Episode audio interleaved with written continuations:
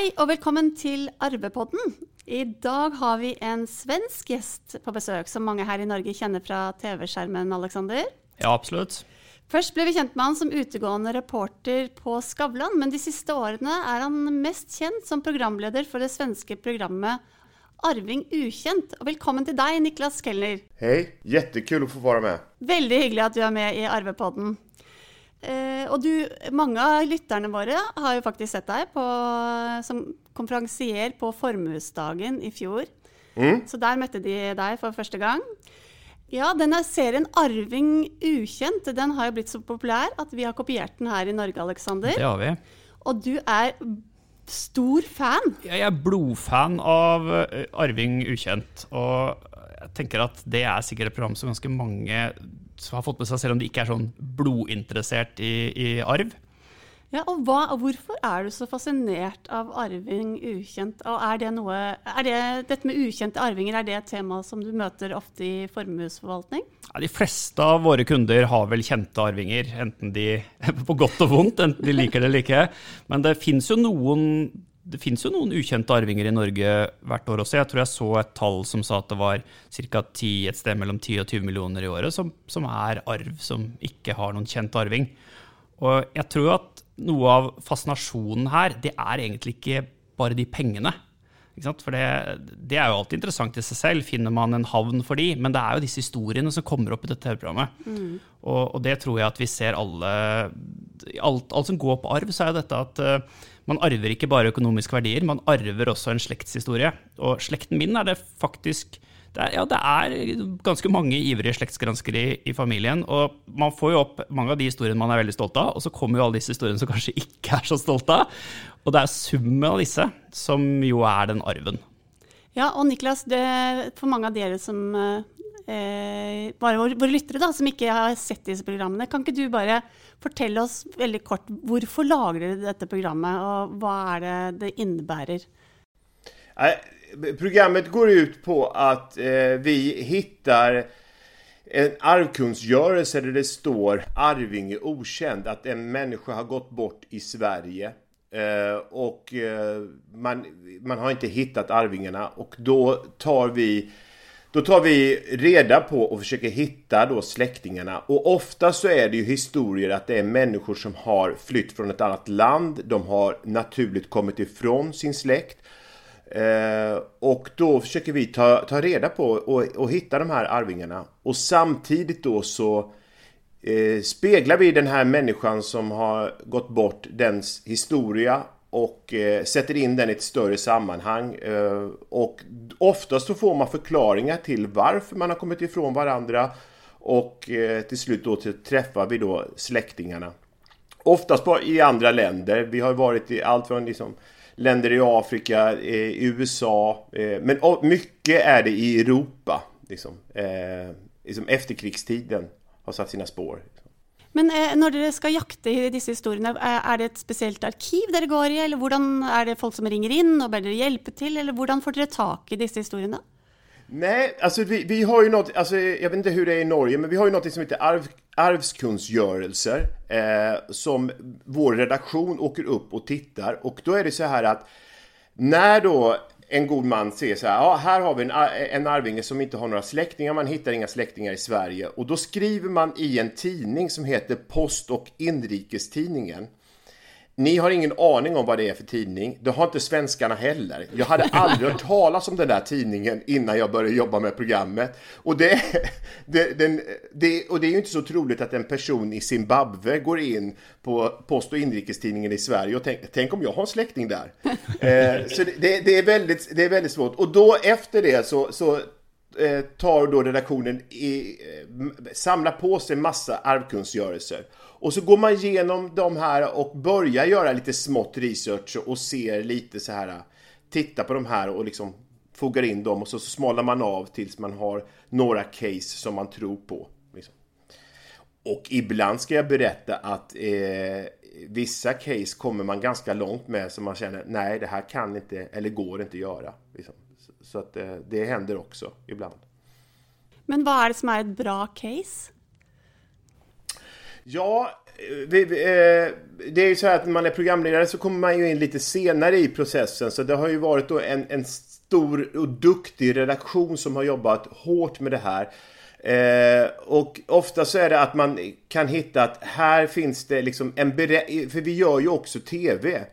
Och eh, då är det så här att, att det finns en, man märker att här finns det en historia. Alltså att man eh, tittar på den som har gått bort. Att ja, den flydde från Ungern 56 eller någonting så. Alltså man börjar liksom kunna, man, man börjar se lite så här, finns det någonting här vi kan göra ett program utav liksom. Eh, och sen så är det ibland så måste man liksom kontakta vissa människor innan, vilket vi inte alltid gör hela tiden. För det, det kommer ju fram i programmet, det är ju väldigt dokumentärt på det sättet. Men då kan man ibland känna att, att nej, det finns bara ett nej, det kommer aldrig att gå. Vi, vi har ju lite av det samma strukturen i Norge också, där man, man har dessa kungöringarna om att det finns arv som inte har känt arving. Och så, uh, ja, så ser vi ju i bara, bara det lilla vi får se av researchen i programmet, det viser tenker jeg, hvor komplisert det er ofte å finne disse arvingene. Det er jo klart at det offentlige vil aldri kunne gjøre den jobben som dere gjør, med å virkelig grave og se fins det noen arvinger, og hvis de fins, så kontakt osv. Altså, vi, vi ser antagelig bare en liten del av den jobben som du og dine researchere ikke minst gjør. Så, så det er nok ganske mange arvinger som forblir ukjente rett og slett for at det ikke fins noe TV-program til å plukke det opp. Ja, altså, eh, Kan du fortelle litt liksom, Hvordan klarer dere å finne disse arvingene som på en måte er gitt opp av uh, myndighetene? Ja, men det, det, var ju precis ett väldigt gott poäng där. Eh, att det, vi, vi, har ju, vi tar ju till alla liksom medel eh, kring, alltså jag menar, det var ju vid något, alltså om man använder alla typer av sociala medier. Alltså det är inte bara så att man går in på Facebook och letar, för det är inte alltid så lätt. Utan vid något tillfälle så var det ju att man hittade på den här bildsajten Flickr.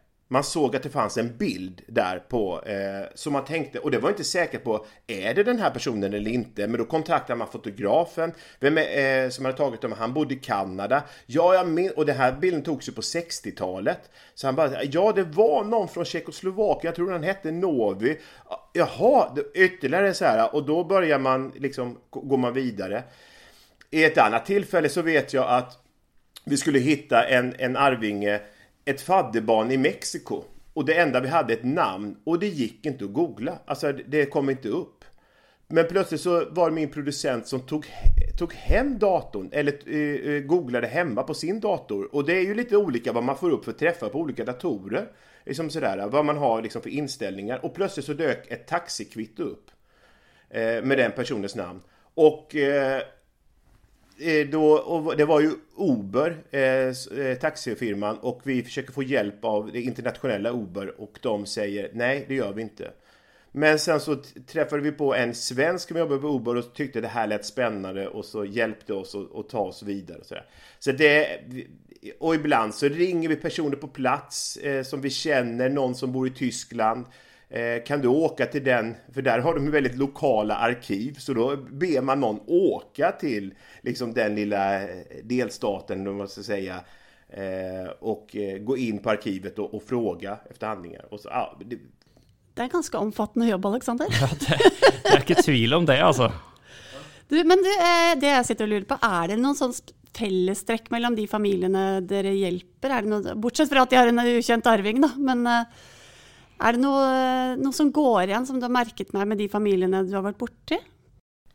Ja, alltså ofta så är det ju så här att det är, och det tycker jag är liksom det intressanta med det här programmet. För att, eh, jag ska svara på din fråga, men jag, jag har tänkt lite på det där att, att för mig så är det ibland att när jag får ibland höra den inledande historien att den här pappan lämnade sina barn eller gjorde någonting. Och så kan man tycka så här Ah, det, vad, vad konstigt, hur kan man göra så här? Hur kan man bete sig på det här sättet? Eh, men ju mer man liksom börjar gräva i historien och liksom förstå vad den personen har varit med om så finns det oftast liksom förklaringar till det där, varför man har kommit ifrån varandra. Eh, och, det, eh, och ofta så rör ju sig våra historier kring den typen av fall, att man har flytt ett krig eller någon svårighet och, och varit tvungen att ge sig iväg.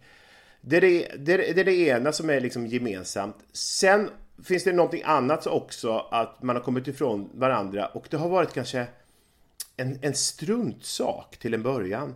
Men man har liksom inte vågat ta det där telefonsamtalet eller skriva det där brevet. Det har liksom varit för hög tröskel någonstans, även om det inte har haft, behövt vara det. Eh, det har jag ibland tänkt på, liksom att, att så här att... Men varför? Varför? Varför kontaktar ni inte varandra? Alltså sådär, ja. Ja, men allikevel, så når dere tar kontakt, så, så kjenner de en sånn OK, det var bra at noen tok den forløsende telefonen ville hjelpe meg på vei. Mm. Da kommer, det, da kommer arveoppgjøret i gang. Men um, det er veldig interessant det der. Og jeg går ut fra at de fleste som eh, De som er på den andre siden, da, at de opplever det som veldig positivt. Eh, ikke bare det med pengene, men det er liksom å få en helt Man får jo ofte en helt ny familie da, som kanskje ikke man har kjent før. Hvordan eh, merker dere det? liksom plutselig får man en helt ny slekt. Ja, det, det, är ju det som är det, är ju det, som är, är, är, är det starka tycker jag med, med programmet och det som, det som har slagit mig för att när vi började det här programmet och när vi gick ut med att vi skulle göra den här typen av program så var ju alla fokuserade på pengarna. Liksom så här. Och jag tror att det första programmet jag gjorde det handlade ju om Eh, jag trodde, jag trodde, det har jag fått veta senare, att det var ännu mer, men det var runt 7 till 8 miljoner det handlade om. Liksom, och att det är så förvånansvärt lite egentligen som de här pengarna betyder, utan det är ju på något sätt, vi sitter ju ner med dem och, och de får ta del av eh, historien. Och det är nästan också som så att för programmet, för de som inte har sett programmet, så är det ju väldigt upplagt så att vi berättar hela historien och sen så eh, kommer vi till slut när vi hittar Arvingarna och då pratar vi med, dem om eh, vem den här släktingen var och de får ställa frågor och eh, vi berättar saker och ting. Och sen så avslutar man med så här och berättar om att det finns också ett arv som du har en del av. Och det är nästan som, som jag har tänkt på väldigt många gånger att när man säger det här liksom att, att det finns också ett arv. Det är som att det på något sätt, det är inte pengarna de reagerar på utan då, då blir det så mer tydligt liksom att det här är en släkting. Alltså så här. Eh, det är på något sätt, jag vet inte hur jag ska säga det, men det är som att innan så är det så här, ja, ja, det är en avlägsen, någon släkting långt borta. Men plötsligt när det liksom, liksom arvet kommer in, då är det som att, ja, just det, vi är verkligen släkt. Sådär, liksom. Det här är en släkting som en, en del av min historia. Och det tycker jag är... Ofta så blir det väldigt starkt. Liksom när det liksom går upp för dem på något sätt. Jag syns någon gånger, jag har sett det i programmen, att, att, att de har levt med en form för sån missing link i historien sin. Och att de och, det kan vara att det ska ju bara en generation till som säger att nej, men detta snackar vi inte om. Vi, vi snackar inte om, om, om far eller onkel eller något sånt. Og så vil neste generasjon arve det. Så det, det blir en sånn ting som vi ikke snakker om. Uh, men som kanskje man går og tenker litt på. Ja, hvorfor snakker vi ikke om, om, onkel, eller hvorfor snakker vi ikke om bestefar? Uh, jeg tror jo mange, eller, eller, oldefar for den saks skyld. ikke sant? Vi vet veldig mye om familien på min fars side, men jeg vet ingenting om min mors side. Hvorfor er det egentlig sånn? Uh, og jeg tenker at den nysgjerrigheten òg blir jo på en måte forløst i det programmet her. Eh, eh, just nu när du nämnde det så, så eh, började jag direkt tänka på en sån historia som vi gjorde nu i, vår senaste säsong här. Eh, som handlade om då Tyskland och, eh, och kriget. Och eh, det var deras släktens pappas halvsyster som hade gått bort och lämnat efter sig ett arv.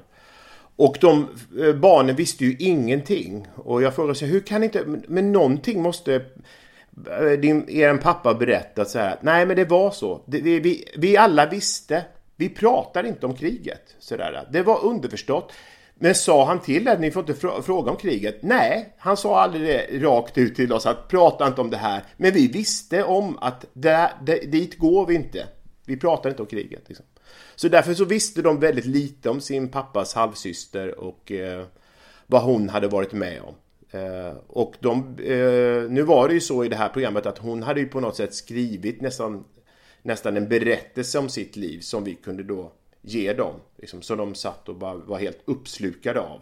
Det är ju fantastiskt. Det, är ju, det må være fantastisk å være med på det, og så plutselig bare gi dem en sånn ikke, Det er en gave, da, ikke bare de pengene, men det er en gave å gi dem en helt en slektshistorie som de ikke har kjent til før. Bare den ga, Det må være veldig sterkt å kunne gi en sånn gave til folk.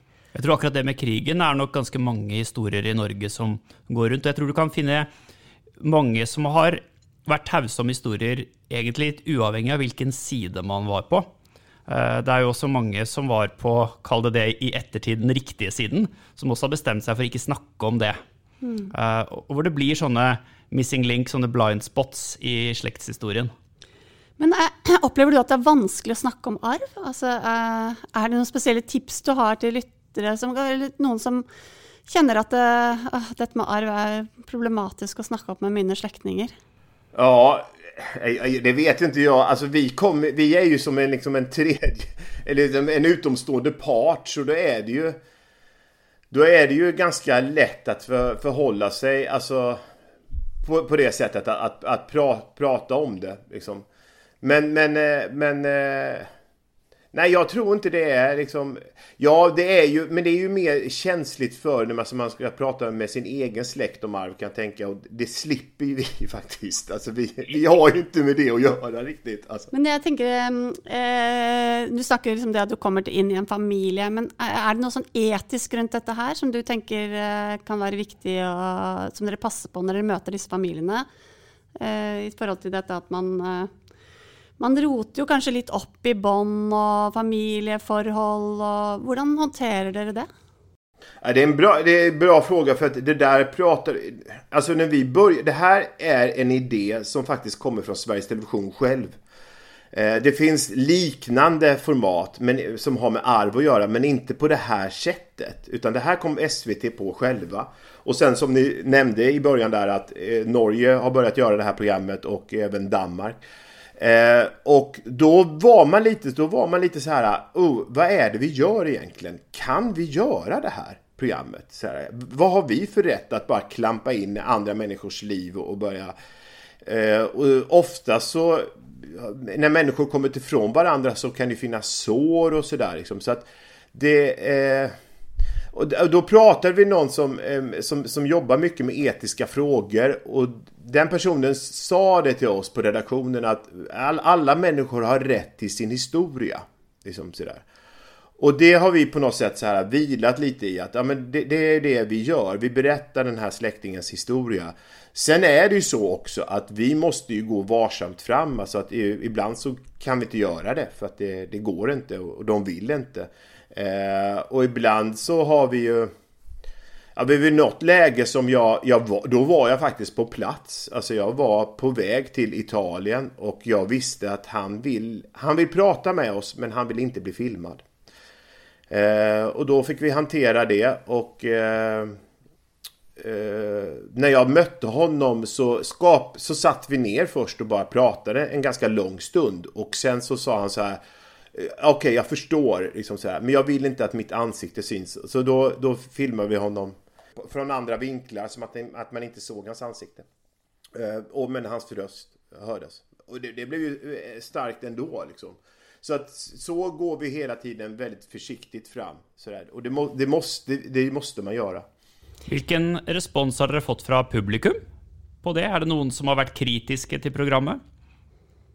Nej, faktiskt, faktiskt inte.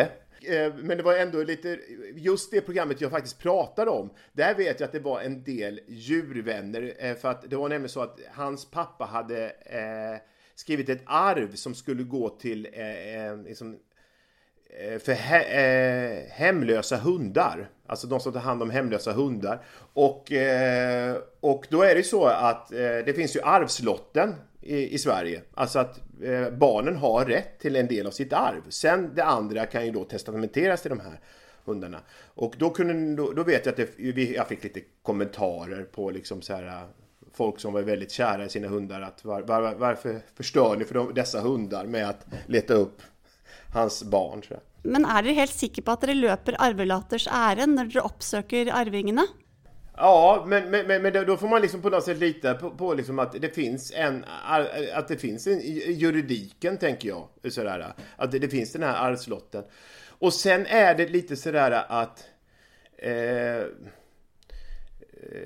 jag, jag, jag, tänkte, det är ju inte sådär liksom också så här helt enkelt för att i den här researchen så, så kan det också komma fram att, att personen höll av sina barn. Liksom sådär. Det kan hända så väldigt mycket det kan hända väldigt mycket liksom sådär och att, att eh, det är att man inte haft liksom kontakt och det kommer ju fram liksom i, i just det här programmet som jag pratade om. Eh, att det fanns ett brev och sådär som inte hade skickats och så. Liksom. Så att, eh, ja, jag, jag Nej, jag, jag ty- där, där litar man nog liksom på att vi har arvslotten och det, det tycker jag är ganska... Ja. Heldigvis så ringer det ju varken Sveriges Television och klager eller går till Kringkastingsnemnda hvis de, er, de er vel borte, de er døde på det tidspunktet. Nei, men jeg synes du har et veldig godt poeng med det at de har jo rett på den arven. ikke sant? Det er juridisk rett på det, så det er jo eh, en fin ting å fullføre den juridiske plikten som, de, som ligger når man går bort. Jeg er veldig enig i det, altså. Ja. Men du, eh, nå har du vært inne på noen av programmene, men eh, hva er liksom ditt sterkeste minne fra de familiene du har møtt på veien? Du har jo hatt eh, tre-fire sesonger med mm. Arving ukjent. Eh, det har blitt en del familier dere har vært eh, innom i de säsongerna. Ja. Jo, det, det, det, ja, men det, det finns så många olika minnen och det är liksom svårt att välja något. Men Alltså något som blev ett stort minne, det är ju faktiskt nästan det absolut första programmet jag gjorde. Liksom sådär. För dels så var det en ny roll. Ni nämnde jag hade jobbat med Skavlan. Det här var någonting helt annat. Eh, jag... Vi skulle göra, och vi visste inte heller riktigt vad vi gjorde någonstans. Och hur svårt och omfattande det här var. Och eh, då var det ju en man då som jag som jag var inne på lite, som hade eh, lämnat efter sig ett arv på 7 miljoner. Han, han hade kommit eh, från Ungern 56 utan någonting, knappt. Och han var ganska bra på börsen. Så han hade liksom placerat och hållit på liksom sådär. Och hade fått ihop ganska mycket pengar ändå. För att han förlorade en hel del eh, på börskraschen 2008. Så han hade kvar då 7-8 miljoner när han gick bort. Han hette Istvan Tasi. Och han hade också en son som hette Istvan Tasi, som bodde i Ungern. Och det visste vi, Istvan Tasi. Just det namnet Istvan Tasi är liksom oerhört, det som heter Erik Johansson i Sverige. Det finns hur mycket som helst. Eh, och eh, vi skriver då brev eh, till de ungerska liksom, till, till, eh, ja, till de som har hand om det här för att eh, leta vidare och de sa vi kommer att vidarebefordra det här brevet och eh, vi vet inte när vi får svar liksom, någonstans. Eh, och sen så säger min redaktion du måste åka dit och börja göra programmet. Och jag sa men vi har ju inte någon Arvinge. Och så här, Nej men eh, vi måste ju spela in någonting. Alltså det ska börja redigeras. Så just den biten får du, du får ju liksom besöka lite museum och, och göra lite andra saker. Och det första vi gör när vi kommer till Budapest är att vi åker ut till hans hem där han bodde som han lämnade 56. Och vill ta lite bilder på mig när jag går omkring där i de här kvarteren. Och så säger min producent, kan du inte fråga lite människor om de minns Istvan Tasi? Och jag, jag, börjar, jag börjar intervjua människor och de flesta var i min ålder, hade flyttat dit med sina småbarn bara för några år sedan. Och den, den, jag träffade mycket, en mycket gammal man, han flyttade dit 72. Liksom så Men plötsligt efter liksom någon timme så kommer det ut någon liten dam från en trädgård och så säger hon så här vem är det ni letar efter? Och så säger vi Istvan Tassi. Och så säger, säger hon så här, var han gift med den här kvinnan? Och så nämner han en kvinna och hennes flicknamn. Och då hade vi någonstans i våra papper, ja, så hette Istvan Tassis fru innan de gifte sig. Ja, då tror jag att hans kusin bor 10 minuter härifrån. Och lite senare på eftermiddagen så uppsöker vi kusinen som säger ja, eh, er arvinge finns bara fem minuter från mig. Och, så, och då plötsligt så springer jag dit och då kommer jag ihåg hur jag var. Jag var väldigt lite skakad sådär, för jag var inte alls beredd på detta så här och det som vi har pratat om nu i den här podden, så här, hur gör man, hur närmar sig, det kan jag säga med gott självförtroende, men det hade jag inte då. Alltså jag visste inte alls här, hur ska jag prata om de här frågorna? Eh, nu står jag i någons kök, de kan inte engelska, vi ser vårt brev ligga där. Eh, som, som är på engelska, som de bara undrar, vad är det här för engelskt brev? Ja, det tar vi någon annan gång liksom.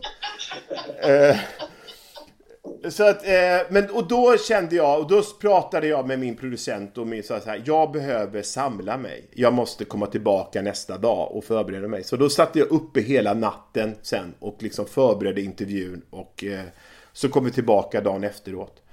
Eh, och det där var också sån här, en känsla av, när, när jag satt med honom så satt vi i tre timmar tror jag och bara pratade om hans pappa. Och jag märkte att han hade liksom en ganska distanserat förhållande till sin pappa. Sådär. Det var inte så mycket känslor. Men någonstans sen när jag berättade att det fanns ett arv på 7 miljoner.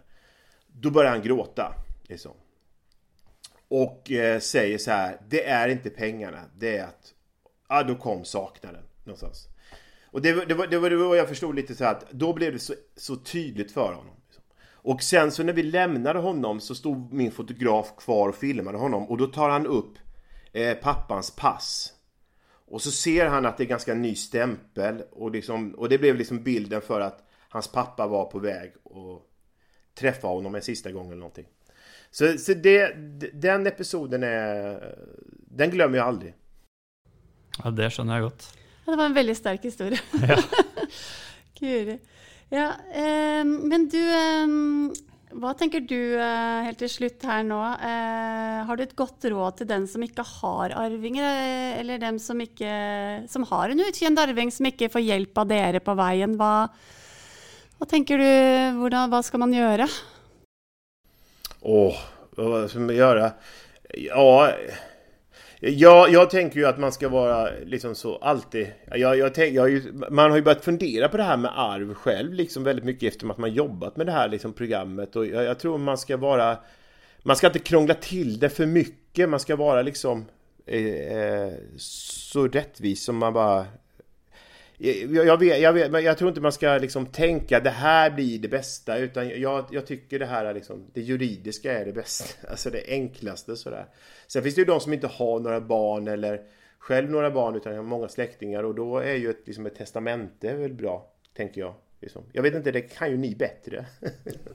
jo, men jag tror att uh, det du är innom, att det är ju kanske det allra bästa är att pröva att planlägga detta slik att det inte blir en okänd arving. Uh, fordi at jeg, det er ikke sikkert at alle har en, en, Niklas som kan komme og finne den beste løsningen på arveoppgjøret. Det kan være at du bør ta ansvar for selv.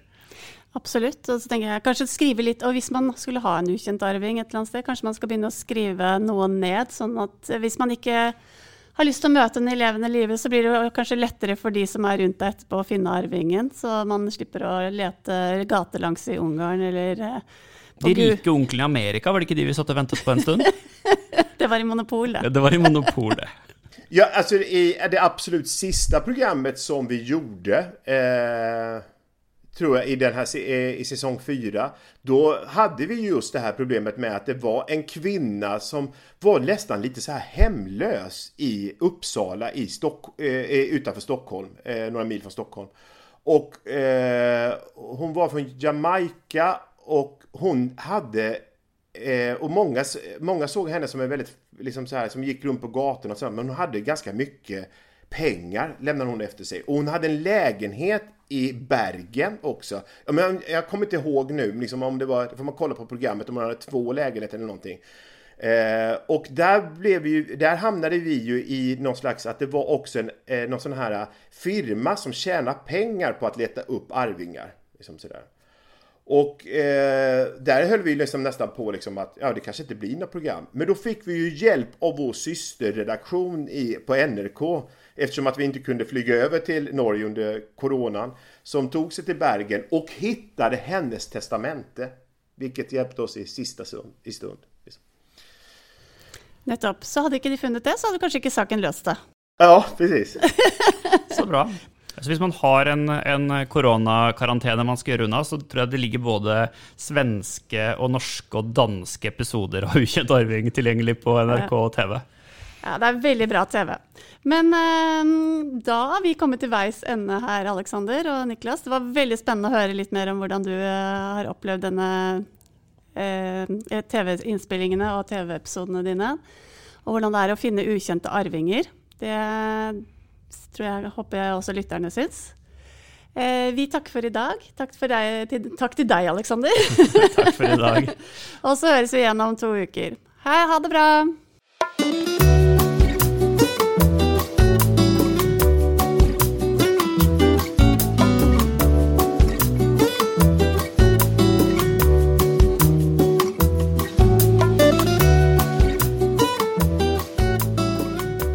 Podkast fra Formuesforvaltning.